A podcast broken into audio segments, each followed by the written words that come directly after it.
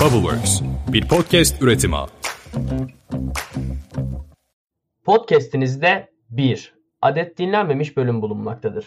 İsimli Pandora'nın Kutusu podcast'ine hoş geldiniz. Ben Deniz Umut Ben Deniz Merve. ve bildiğiniz üzere kurumsala tırnağının ucuyla dahi dokunmamış bir kimse olarak buradayım. Namı diğer çulsuz Umutlu Umut ve sayın sevgili co-hostum Merve hanımefendiciğim de bilirsiniz ki kurumsalın kalbinde hatta aort çıkışında bir görev almış daha öncesinde.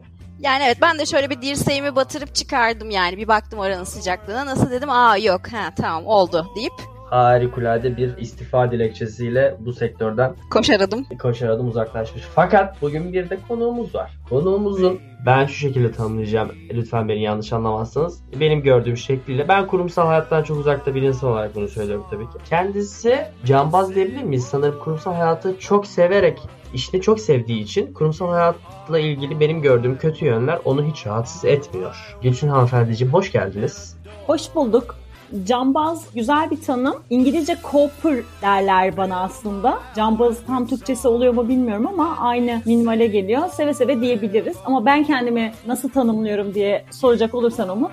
Böyle hayalinde, işince, gücünde, kendi yolunda Türkiye'de yaşayan bir kadın olarak tanımlıyorum. Bu güzel bir tanım çünkü ben bu tanımda huzur görüyorum. Evet, teşekkür ederim. Çok şükür.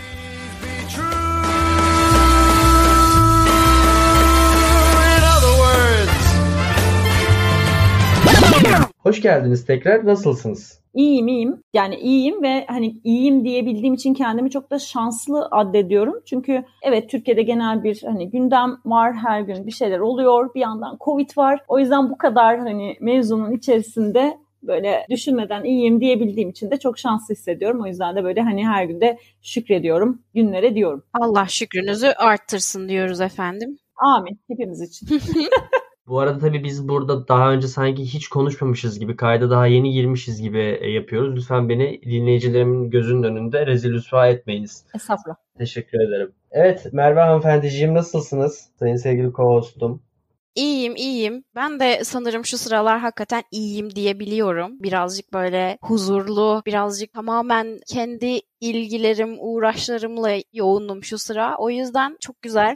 Her şey çok yolunda. Allah şükrümüzü arttırsın efendim. Bu lafı da benim ağzıma sen doladın Umut. Teşekkür ediyorum. Rica ederim her daim. Evet, Gülçin hanımcığım. Ben sizden ufacık bir şey dinleyebilir miyim? Şimdi sizin, ben kısaca bir bahsetmek istiyorum ama tabii hikayenin de geri kalanını size bırakacağım. Tabii. Gülçin hanımefendi kendisi belirli başlı şeyler başarmış bir noktada hayatta bir hastalıkla mücadele ediyor ve bu hastalıkla mücadele esnasında yaptığı işini de layığıyla yerine getiriyor ve bu benim için hayret edilesi bir durum. Çünkü ben yerinde olsaydım yüksek bir miktar kredi çekerek hayalimdeki hayatı yaşamaya başlardım. Fakat Gülçin hanımefendi öyle yapmamış. Mücadelesini hayatı olduğu gibi sürdürürken devam ettirmiş. Bir sizden dinlemek isteriz. Ben böyle çok spoiler vermeden ufak bir girizgah yaptım. Seve seve başlangıcımda buraya bir kelimeyi vurgulayacağım. Onu bırakarak başlamak istiyorum. Estağfurullah.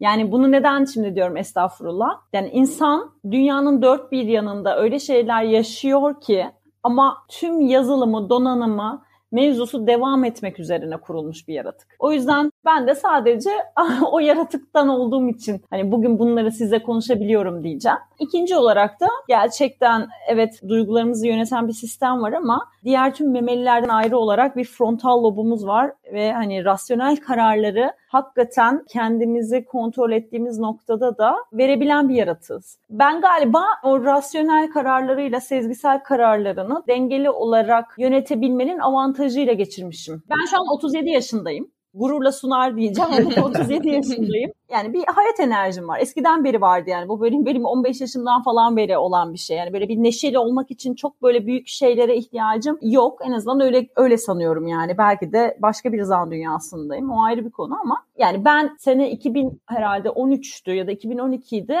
Dünya Sağlık Örgütü'ne göre 2020 senesine geldiğimizde tanıdığımız ve kendimizin de olduğu popülasyon içindeki her 5 kişiden biri aslında ya kanser olmuş ya da kanser atlatmış olacak diyordu. Ama hani 2013'te böyle sanki 7 sene çok uzak geliyordu bana ve daha da çok küçücük bir kızdım. Ben 2014'te ilk teşhisi aldığımda ya dedim ki o istatistik 5'ten 1 bana çıktı yani.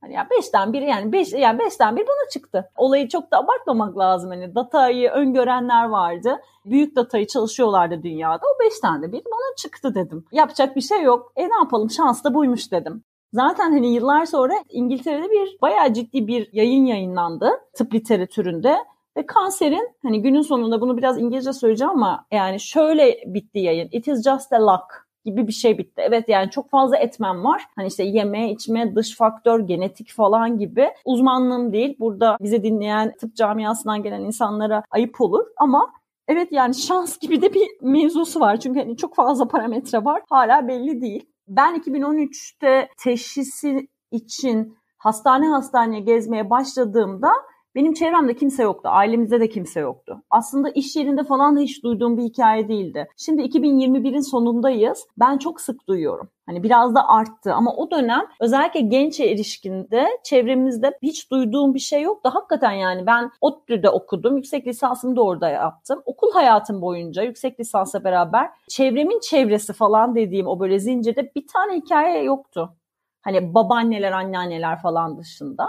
Ama yani sene 2013'te ben garip bir şekilde boğazımda daralma hissediyor. Alkol kullandığımda çok daha hızlı sarhoş oluyor. Çabuk yoruluyor. Vücudumda bir gariplik hissediyor ama anlamlandıramıyor olduğumda yani 27-28 yaşındaydım. O yüzden karşılığı yoktu. Ağustos'ta başlayan doktor gezme hikayesi işte Aralık'ta gerçek teşhisle buluştu. Tedavisi olan, kayıp oranı çok çok düşük olan bir cins olan Hodgkin lenfoma dendi sonuç olarak. Hani lenf kanseri aslında halk arasında bilindiğinde. Siz bu doktora gitme hikayesi sadece sizin hissettiğiniz semptomlarla ilgili bir şey değil mi? Yani bu belirli başlı... Yok Umut. Orada aslında şöyle bir hikaye var. Bölüyorum ama aslında pek de öyle değil. Gene diyorum hayat böyle bir şans. Aynı kanser olmak da bir şans, şanssızlıksa benim de belki o dönemin bir şanstı ortaokul, lise en yakın dostum ki kendisi bir acil tıp uzmanlığı yapıyordu o zaman. Küçüklüğünden beri gönülden tek olmak istediği şey doktor olmak isteyen, işinde de çok bilgili, başarılı,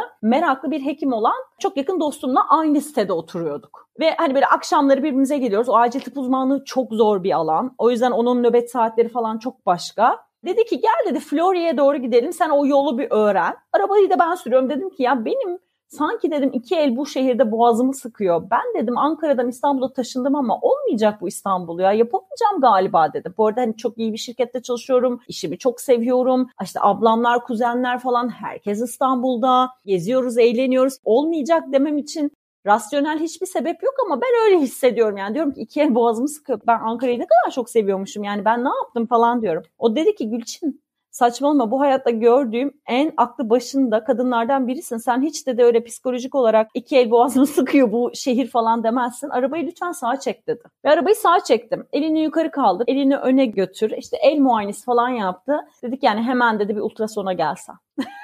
aslında yani hani o iki el boğazımı sıkıyor psikolojik falan diye düşündüğüm her şey bayağı fiziksel olarak orada hani boğaz boyun bölgesinde lenf nodlarının oluşması ve benim belli hareketlerle elimi falan yukarı kaldırdığımda o lenf nodların işte soluk borusuna falan baskı yapmasıyla benim biraz böyle sıkışıyormuş falan gibi hissetmem yani. Çok fiziksel bir neden. Hikaye bu kadar basit. o zaman buraya bir kamu spotu yerleştirelim. Arkadaşlar şehir hayatından bunaldığınızı ve iki elin boğazınızı sıktığını hissediyorsanız doktora görünün rica edeceğim. Erken teşhis hayat kurtarır diyoruz burada. Meme kanseri erken teşhisle hiçbir şey bir şey artık yani. Lütfen işte hep diyorum yaptırabileceğimiz artık çok farklı aşılar var.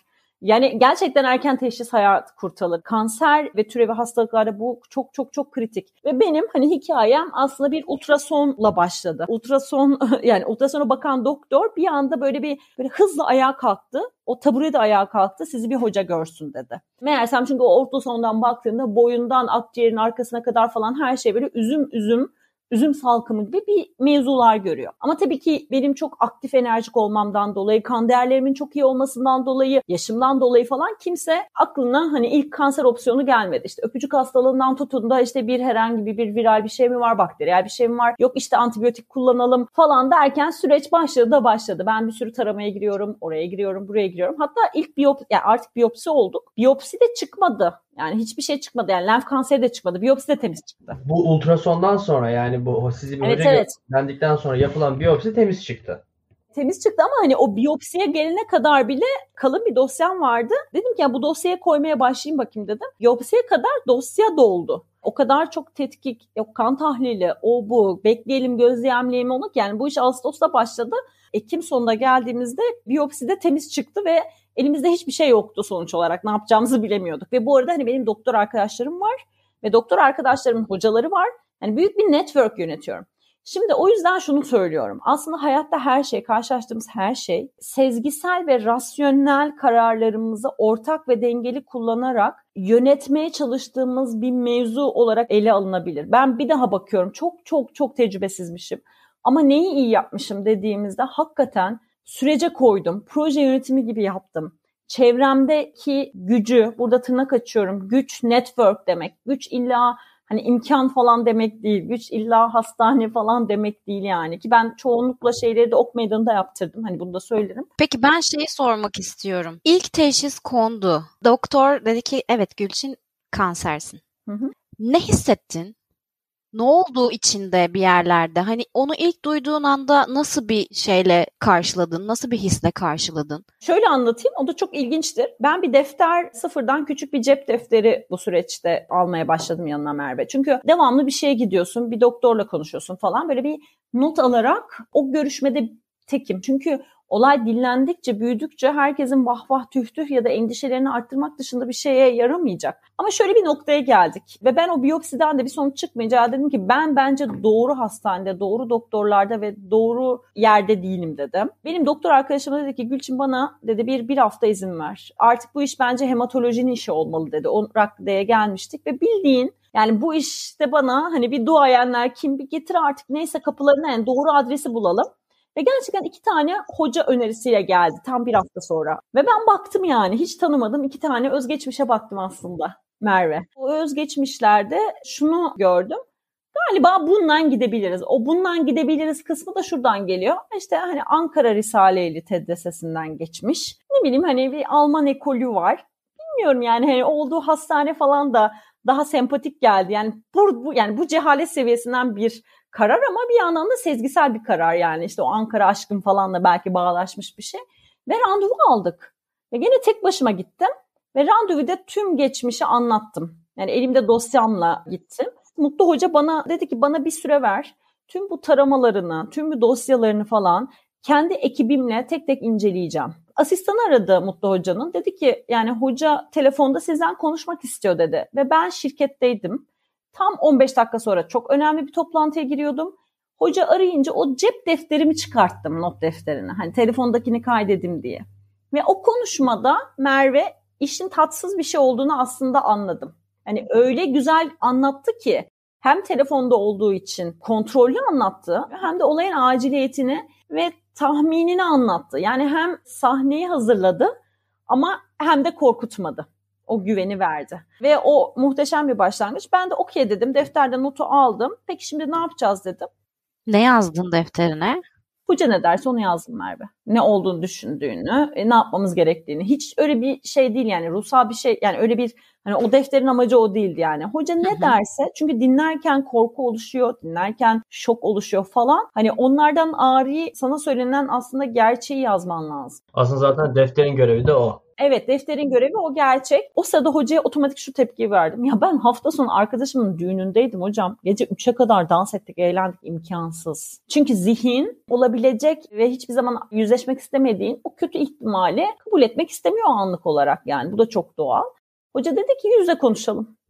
Yani hani yüzle konuşalım önemli değil neyse sadece zamanı artık ötelemeyelim. Sen gel hani bir an önce falan dedi. Ve hani sonra da süreç aslında başladı. Süreç başladı dediğimde artık buraya kadar ben yorulmuştum bir hasta olarak. Yani Ağustos'tan Aralık'a kadar yorulmuş, birden fazla hastaneye gitmiş, devlet hastanesi, özel hastane, alanında ünlü ve doğru olduğunu düşündüğümüz ve çoğu hasta için de belki çok doğru adresler olan doktorlarla bir ilişki ve iletişim yürütmüş biriydim ve artık oraya hani biz mevzuya başladığımızda ben biraz yorulmuştum, sıkılmıştım. O yüzden buradan dinliyorum. Bir kişi bile dinliyorsa yani herhangi bir hastalıkla başa çıkan yani teşhis süreci belirsiz ve orası yorucu. Hani kesin adı konduktan sonrası sadece akılla ve hani duygu durumunu kontrol ederek iyide kalmaya çalışarak yönetilmesi gereken daha rutin bir süreç olarak adlandırılmalı. Evet çünkü mesela şeyden de bahsettin yani çok affedersin lafını kestim. Yol haritası çıkana kadar başka kimseyle bunu paylaşmak istememişsin. Yani başkalarının duygularını kendi yakın dostlarım dışında. Evet. Başkalarının duygularını kendine yüklememişsin yani. Bu mesela işte vah vah tüh tüh olmasın diye başka insanların duygu durumlarının senin vereceği kararları etkilememesi için. Bence bu çok kıymetli bir şey mesela. Ben bu, bu benim çok dikkatimi çekti. Çünkü genelde böyle bir durumda belirsizlik içinde olmak insanın canını sıktığı için insanların duygu ve düşüncelerine çok fazla başvuruyoruz. Ben bunu mesela çok yapıcı bir karar olarak görüyorum kendi sürecinde. Bir de şeyi soracağım. Tabii ki mesela şimdi süreç başladı artık. Yani hastalığın bir ismi kondu. Yol haritası çizildi ve artık o yola girildi. Bu esnada sen günlük hayatından dinlediğim ve duyduğum kadarıyla, bildiğim kadarıyla senden de minimum feragat ederek devam ediyorsun bu esnada. Full devam ediyorum. Full. Mesai yapıyorsam yapıyorum, gezeceksem geziyorum, arabayla uzun yol yapacaksam yapıyorum. Full devam ediyorum. Aslında full devam ediyor olmak bir noktada da motive edici bir şey de olsa gerek. Çünkü hayat devam ediyor sürekli hissediyorsun ve bunu sürekli kendine aşılıyorsun. Ama mesela fiziksel olarak nasıl hissettiriyor bu durum sana? Şimdi şöyle yani olayı parçalı söylemek gerekli. Tamam işte yol haritası çizildi ama işte aileye haber verildi, gelen geldi. Ben İstanbul'da tek yaşıyordum. Annem geldi, babam geldi falan. Süreçte aşama aşama bir şeyleri yaşadıkça etkisini görüyorsun. Yani bunun böyle bir kitabı yok. Bana o zaman doktor bir arkadaşım şey demişti. Aslında dünyanın dört bir yanında mesela herhangi bir kanser cinsinin tedavisi Google yapsanız belli. Ama burada alameti faika her bireyin, vücudun o tedavideki verdiği tepki ve o tepki iyi yönetmek yani aslında olay bir zanaat ve hastanın psikolojisini de etkileyen bir tedavi. Kemoterapi ağır bir süreç, radyoterapi ağır bir süreç, can acıtan bir süreç, yan etkileri olan bir süreç, uyku düzeni değiştiren bir süreç. O yüzden bir orkestra yönetmesi gerekiyor birinin ve ben onu şöyle söylüyorum. O biri bence hastanın kendi olmalı aklı yerindeyse. Çünkü hasta o orkestrayı yönetirken o hayata bağını yönetiyor aslında. Doktorun alandaki uzmanlığı, işini ne kadar iyi yapması tabii ki çok çok önemli ama asıl alameti faykası hastanın psikolojisini yönetmesi. E, ya da işte sadece sizin hani onkolojik tedavinizi yürüten hocalar değil ki mevzu. Bir yan etki olduğunda işte o zaman solunumla ilgili bir sorun yaşıyorsanız orada evet akciğerinizle ilgilenen e, solunum yol, yollarıyla ilgili alan. Bir yandan enfeksiyon kapıyorsanız evet enfeksiyon uzmanı falan yani. Bir bir orkestra yönetiyorsunuz devamlı. En azından ben benim hikayemde öyleydi ama bunu ben çok başta keşfettim. İnsanlara alan yaratmak, e, vah vah tüh tüh konuşmalarını almamak, arayan komşuların telefonuna çıkmamak, bana acıdığını hissettiğim en ufak bir kişiyle muhatap olmamak ya da o muhataplara dayanamayacağımı biliyorsam iş yerinde çok yakın ekibe söyleyip herkese yemin ettirip ne olur şirkette kimseyle paylaşmayın ve aynı düzen devam edecek demek. Çünkü bana onun iyi geleceğini ben o zaman çözmüştüm. Ben onu istemiyordum. Sosyal medyanın kullanımının iyice vahşi ve arttığı bir dünyada çok yanlış şeyler görüyorum kemoterapi alırken full makyajlı, protez tırnaklı insana ben iyiyim, böyle olun, şöyle bakım yapın, saçlarımı şöyle uzatıyorum devamlı mesajları. Hayır o hasta iyi görünmek zorunda değil. Buradan para kazanan insanlar var falan. Ve şunu çok yanlış buluyorum. Her kanser ve her hastalık sonu olumlu bitecek değil. Neyse. Evet ama sen senin hikayende gördüğüm kadarıyla ben hiç hiç umutsuzluk yok bu hikayede. Mesela onu da merak ediyorum. Yani benim dinlediğim, öğrendiğim kadarıyla senin hikayende tabii ki muhakkak içinde böyle daha olumsuz duygularımlar hissettiğin zamanlar olmuştur ama mesela çok uplifting bir hikaye bu. Ya. Benim gördüğüm kadarıyla sen bu teşhisi aldığın noktadan itibaren ben zaten bunu yeneceğim ve bu okey bir şey ve ben hayatıma da bu şekilde devam edeceğim gibi bir mentaliteyle girmişsin. Yani şeyi merak ediyorum bir de. Ya muhakkak bununla ilgili bu podcast'i dinleyip de seninle benzer hikayesi olan bir insan ya da kendi sürecinde olan insan da o umutsuz hissettiği anı da merak ediyor olabilir. Nefes aldıkça umut vardır. Benim hep hayat mottom. Hatta yani Dum Spiro Spero yazar benim Instagram tagline'ımda. Umutsuzluk yok diyemem. Size yani şöyle bir noktasını anlatayım. Ben tedavinin işe yaramayacağı falan o noktayla ilgili bir umutsuzluğum hiçbir zaman olmadı. Ama ben kemoterapiden çok etkilendim. Yani çok canım yandı. Çok zorlandım işte damarlarımı açmak zor bir hastayım ben. Damar yolum bulunamıyor. Kemoterapi saatler sürüyor hastane odasında. Aşırı yüksek kusma krizlerim başlıyor. Ben çok aktif ve enerjik bir insanım. Doğal olarak tedavi sürecinde enerjim hiç olmadığı kadar düşük. Bazen böyle hani üç adım atarken zorlanıyorum falan. Ve o güçsüzlük ve acizlik hali beni hiç istemediğim bir benle yüzleştirdi. Ve kusma krizlerim çok arttı Umut. Yani ben bırak hani böyle damar yolu açılıyor, ilacı vermeye başlıyorlar. Ben hastaneye varmadan otoparkta kusma krizlerindeyim. Ve tabii tansiyon oynuyor, o oynuyor, bu oynuyor falan ve bana kemoterapi veremiyorlar. Yani biz hastaneye gidiyoruz. Öyle kötü bir haldeyim ki geri geliyoruz falan. Doktor onu yapamıyor. Ve böyle hani doktorla bir an göz göze geldik. Herkes odadan çıkardı. İşte burada şey diyorum. Hekimlik bu yani hani başka bir şey. Dedi ki anlıyorum zorlanıyorsun. Ve fakat hani aslında her şey yapacağım ve her şey iyi olacak diye fazla hasta olmaktan çıktın. Hani kattaki hemşireler bile senden şikayetçi. Hani bıraksak hani öğretsek damar yolunda ben açayım falan diyeceksin. Ve bırak lütfen hasta ol. Çünkü dedi tedavini sekteye uğratıyorsun dedi adam. Ben dedim ki bu icazetle devam edemeyeceğim. Havlu atmaya yakınım dedim. Dedim bunu yani. Ben şeydim yani. Bu böyle devam edecekse biz almayalım kemo falan. Nereye varacaksa varsan artık hiçbir şey umurumda değil'e de gelecektim yani Umut. Hani o bir an böyle tüm dünya dertlerinden kurtulup hani bitmek istiyorsun. Yani bitsin falan hani noktasına da geliyorsun yani. Ve gençsin daha kolay yapabiliyorsun. Gözüme baktı dedi ki benim tedavimi sekteye uğratamazsın dedi. Çok iyi. Tabii tabii. Orada şey kasını kullandı artık. Hani baktı böyle akılcı tatlı falan hani şey değil. Bildiğin artık şey güç kasını kullanarak Hani bana bir böyle bir resmen tabiri caizse mecazi olarak tokatı attı yani. Peki dedim ben de. Peki. Peki dedim. Ve ondan sonra başka şeyler denedik. Burada yani şunu söylüyorum. Bu yayını hastaların dinlediği kadar asıl hasta yakınlarının dinlemesini isterim ya. Çünkü hep şunu derim. Benim bir cümlem var. Bence kanser falan gibi zorlu, kanser bunlardan biri, daha bir sürü bir şey var. Alzheimer falan gibi hasta değil yaşayan, hasta yakını çok yıpranıyor. Çünkü onun bedeninde ya da onun dünyasına gerçekleşmeyen bir şey yardım ettiği alan bir yere kadar ve çok sevdiği birinin gözünün önünde acı çektiğini ya da yıprandığını görüyor. Hasta yakını kadar yıpranan bir müessese yok. Ve aşırı şanslıyım. Muhteşem bir kurumdaydım. İsim gene vermeyeceğim ama yani çalışanının bu kadar mı böyle dönemlerinde yanında olur. O yüzden ben bunları çok şanslı oldum. Sonra o yüzden işe de gittim. Ve benim hocam hiçbir zaman işe gitmeme yasak vermedi ki şu risklere dair birisi grip olsaydı o iş yerinde ben oradan grip kapsaydım o zaman işte şey bağışıklık sisteminizi süprase ediyor kemoterapi. Çok tehlikeli falan nötropeniye falan girebilirsiniz. Hayır işe de gittim çalışmaya da çalıştım bazen işe gidemedim çok etkisi oldu ama elimden gelenin oradaki ben halinin en iyisini ve en hani beni ayakta ve hayata bağlayanını yaptım. Yani hobini işe çevirmekle ilgili bir şeyden bahsettin ya. Aslında sen zaten günlük hayatına devam ederek iş zorluğu yaşamadığın için seni hayatta tutan şeylerden bir tanesi de çalışmaktı ve sen kendi rutinine devam etmek için elinden geleni de yaptın anladığım kadarıyla. Bence bu muhteşem bir şey. Aynen öyle. Ama işte bu sanırım en başta da konuştuğumuz yaptığın işi severek yapmakla ilintili bir şeydir muhakkak. Çünkü yani bırakın kanser olmayı kelimeyi kullandım artık yani ne yapalım büyüyü bozdum. Bırakın kanser olmaya grip olduğu zaman bile e, işe gitmemek için saklanacak delik arayan insanlar var. Bu insanlarla ilgili bir şey değil sanırım. Bu insanların yaptığı işi sevmesi veya sevmemesi. Bunda kendini bulması ya da bulmaması ile ilgili bir şey olabilir diye düşünüyorum. Sadece işi sevmek de değil. O dönemki bana hani sorsan tabii ki işi seviyordum ama birlikte çalıştığım ekibi de çok seviyordum ve orada günün sonunda bir hayat devam ediyor.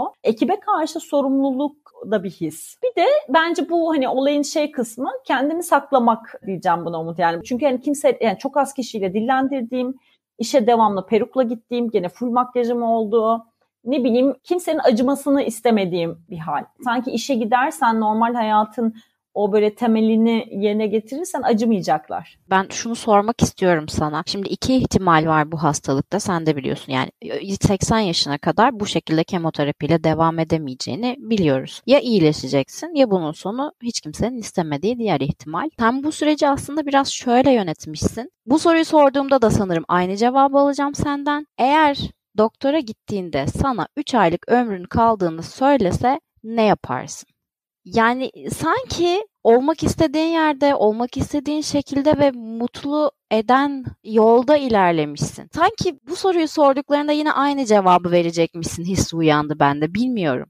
Yok hiç bilmiyorum Merve. Çünkü e, benim durumum çok şükür hiç öyle değildi. Baştan itibaren öyle bir ihtimal yoktu. O başka bir psikoloji gerçekten onu hiç bilemem yani. Ama hani herkes aynı noktayı yaşamıyor. Çok zorlu kanserler var ve o kanserlerde insanlar sürecin sonucunun iyi olması ihtimaline tutunarak geçiriyor. Ama şunu yaptım mesela Merve. 3 ayda kalsaydı deselerdi işte 3 yılda falan neyse. Ben hiç mesela şu kelimeyi kullanmak istemedim. Bu bir savaş. Kanserle savaşıyorum. Kanserle savaş falan. Ya savaş başlı başına baktığınızda kelimenin kökeni ve kelimenin kullanım alanında %50 kaybedeni, %50 kazananı olma ihtimali olan bir durum. Eğer savaş diye kodladığımız bir şeyde korku besliyor yani. Çünkü ben kaybedebilirim falan. Oysa ben hep şey dedim.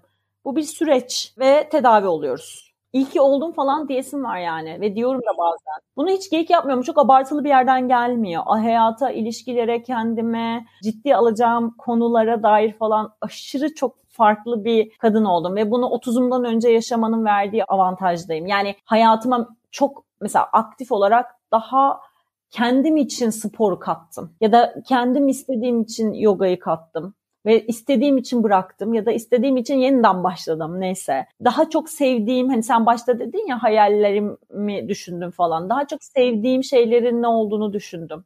Şükür edeceğim şeylerin çok genç yaşımda farkına vardım. Yani hunharca geçebilir çoğu insanın yılları. Ve ben hani böyle daha hep böyle şey tadına varabiliyorum her yaşadığım şeyin. Ama bu böyle yani her gün yeni bir hayat bana verilmiş bir bahş falan gibi bir şeyden gelmiyor. Ve bence böyle gelmesin. Bunlar çok yanlış dayatılmalar. Ben her hastaya, hasta yakında bunu anlatmaya çalışıyorum. Burada da tabii şöyle bir şey var. Ben şunun örnek olmasını isterim dinleyen insanlara hasta olmadan hasta olan insanlar var. Yani teşhissiz e, hastalık taşıyan insanlar var. Aslında hastalıklı gibi yaşayan, zihinsel olarak bir yani psikolojik ve ruhani bir süreçten bahsediyorum tabii ki ben. Fizyolojik değil ama bu iki süreç tabii ki insan fizyolojisini etkiliyor. Tedavi sürecini, iyileşme sürecini göğüslemişsin ve devam ettirmişsin. Ben bunun bir örnek olmasını çok isterim ama yani bu sadece şey değil. Senin geçirdiğin süreçle ilgili değil tabii ki. Yani birçok süreç adına bunun bir örnek, bir emsal olmasını isterim çünkü. Evet sen şanslı bir insanmışsın anladığım kadarıyla. Güzel bir hayatın var ve güzel yönetmişsin bu sürecin tamamını. Ve bu esnada da senin yanında olan, yakında olan insanlar da onları da yönetmeyi bilmişsin tabii ki. Bu network'ü de yönetebilmişsin. Bu da senin bilek gücünün kuvvetli olduğu bir alan. Ama mesela bu süreci yönetmek için bu kadar da gönüllü olmayan insanlarla karşılaşıyoruz. Evet. Gönüllü olmak gerekiyor Umut. Çok doğru kelime. Sanmayın her şey toz pembe. Ben şimdi hani yönet ama yönetmek de orada bir hani böyle bir şey var. Her şeyi yönetemezsiniz ya pulse değişir falan. Radyoterapi de bitti. Radyoterapi sırasında mecburen daha uzun rapor aldık. İşe gidip gelmem zorlandı. Vücut çok yıpranmıştı. Bir tık dinlenmeye ihtiyaç vardı. Yani sonra bir gün aynaya baktım ve hani hiç saçım yok, kaşım yok, kirpiğim yok, rengim soluk, çok yorgunum. İşe başlayacağım ama fiziksel olarak gücüm yok. Aylardır evin düzeni bile ben, bana ait değil falan. Böyle dışarı çıkmaya korkuyorum. Uzun süre trafikte kalırsam yorulurum, arabayı kullanamam diyorum falan. Bana bir geldiler. Ve tüm evdeki tabağı, çanağı falan kırdım. Harikulade bir terapi. Orada şey dedim yani neden ben? Onkolojik psikoloji alanında uzmanlar. Hani bu ilk başlarda oluyor. Hasta böyle neden ben diyor. İşte ignore ediyor falan. Ben dedim neden yani ben bayağı süreci yönettikten sonra neden ben dedim. Bildiğiniz Google yaptım onkolojik psikolog ve Türkiye'de yok çok az. Hele o seneler hiç yoktu. Yani aslında psikoloji, klinik psikolojinin bir daha uzmanlaşmış alanı. Yani onkoloji tedavisi geçiren ya da geçirmiş olan, hasta ya da hasta yakınlarıyla çalışan, o süreçte karşılaşan etkilerle uğraşan çok değerli insanlar. Buradan o yüzden bir kişi bile böyle bir süreci kendi ya da yakını için geçiriyorsa lütfen kendine birini bulsun yani. Ve çok başka bir etki oluyor. Ve o sırada işte Kansersiz Yaşam Derneği ile karşılaştım. Ve Kansersiz Yaşam Derneği'nin info adresine mail attım. Kendimi tanıttım adımı, geçmişimi, hangi okuldan mezun oldum, ne yaptığımı, ne yaşadığımı falan. Dedim ki yani siz dedim çok aktifsiniz televizyonlarda falan görüyorum.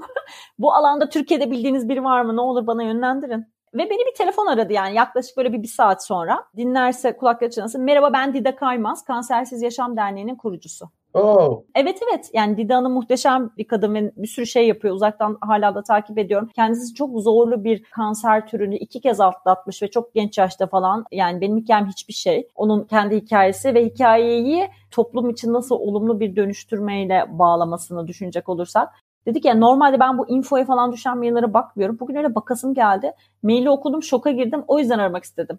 Bu bilinçli olan kim var? Yani kimmiş bu tanışacağım diye aradım dedi. Sonra bayağı uzun sohbet ettik ve o sohbet bana iyi geldi. Dedi ki bir isim var ve ben de bu süreçte çok destek aldım. Kendisi yurt dışında yeni Türkiye'ye dönüyor. Bu alanda yurt dışında da işte çok çalışması var falan. İsmi verdi. Hani şimdi kişinin izni olmadan ben buradan vermeyeyim ama zaten tek. Ve ben kişiyi aradım. Havalimanındaydı canım hocam hala görüşürüz. Dedi ki Gülçin ben şimdi sana birkaç makale yolluyorum. Bu yaşadıkların literatürde var. Oku ve rahatla. Çünkü mesela kariyer korkusuna falan da giriyorsunuz. Hani hayatınızdaki tüm rutinler ve normaller değişmiş ya işsiz mi kalırım? Hani öyle bir kurumda bile değilim yani kurum gözümün içine bakıyor. Hiç öyle bir mevzuda değiliz. Öyle bir kültür falan yok ama hani zihin yaratıyor bu oyunları. Ondan sonra bunun makalesi var ya onkolojik tedavi sırasında kariyer korkusu diye. Yani bunları okudum. Sonra dedim ki ya doğru yoldayız biz ve çalışmaya başladık. Mevzu bittikten sonra çalışmaya başladık. Kaç sene çalıştık hem de. Ve çok iyi geldi. Ve şimdi tüm o yüzden çevremde hasta hasta yakını herkese mutlaka bir psikolojik destek almasını öneriyorum. İtalya'da yanlış bilmiyorsam yalan olmasın ama zaten onkoloji tedavi gösteren bir hastalık teşhis edilmez devlet bir psikolog atıyor otomatik olarak. Böyle hani şimdi bu konu niye bizde gene gündemde ve benim bu aralar gene farklı mecralarda yine niye basında? Çünkü Covid yaşıyoruz ve toplumsal yasın dibindeyiz. Covid yaşarken insanlar çok zorlu tedaviler görüyorlar. Covid'den etkileniyorlar. Covid bitiyor, post-Covid deniyor. Eski hayatlarında yap rahatça yapabildikleri üç adım atmayı yapamıyorlar bazen. Farklı farklı yan etkilerini yaşıyorlar. Ya da ailede bir sürü kayıp var. Bir yandan kendi sağlıklarını kaybediyorlar.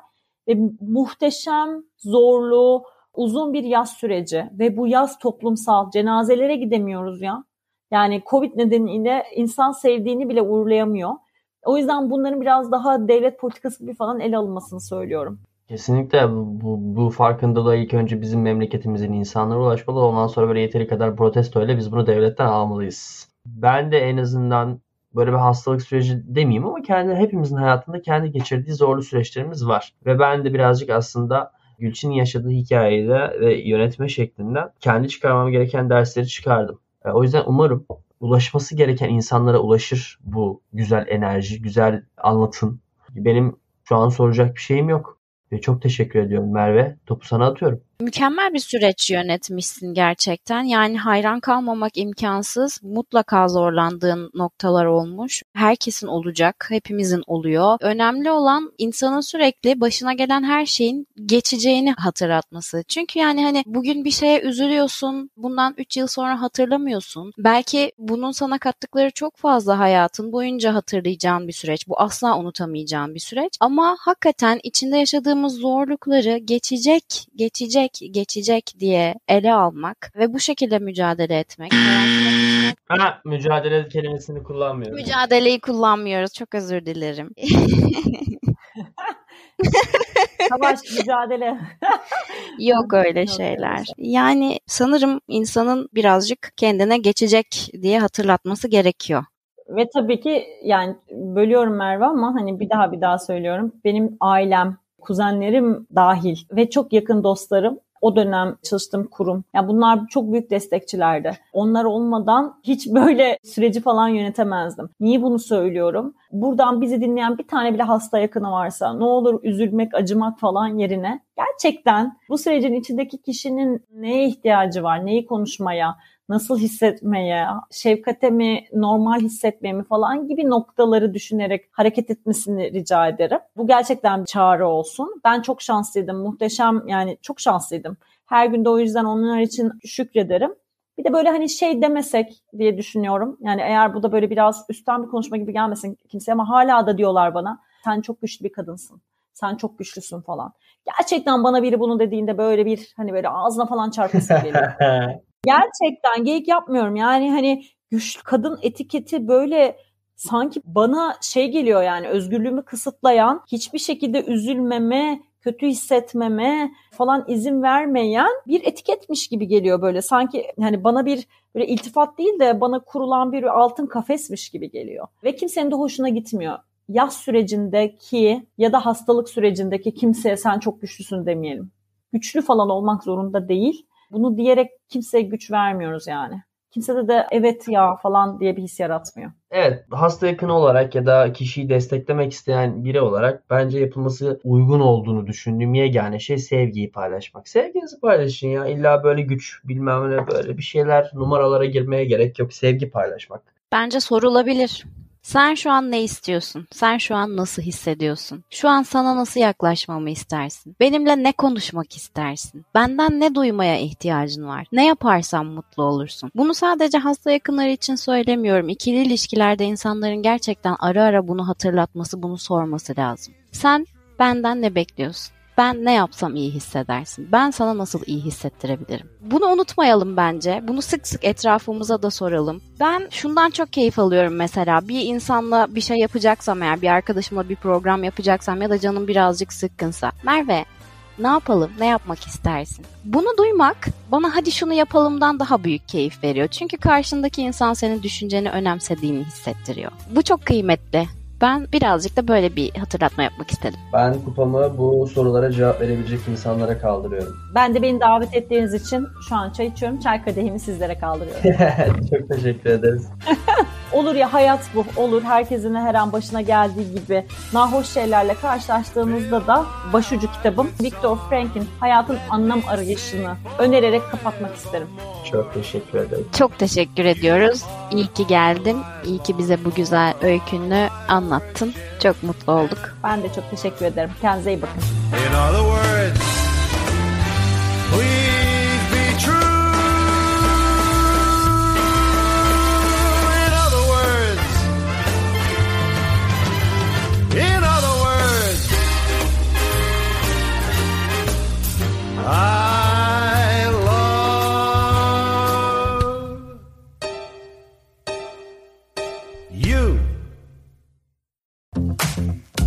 Bubbleworks bir podcast üretimi.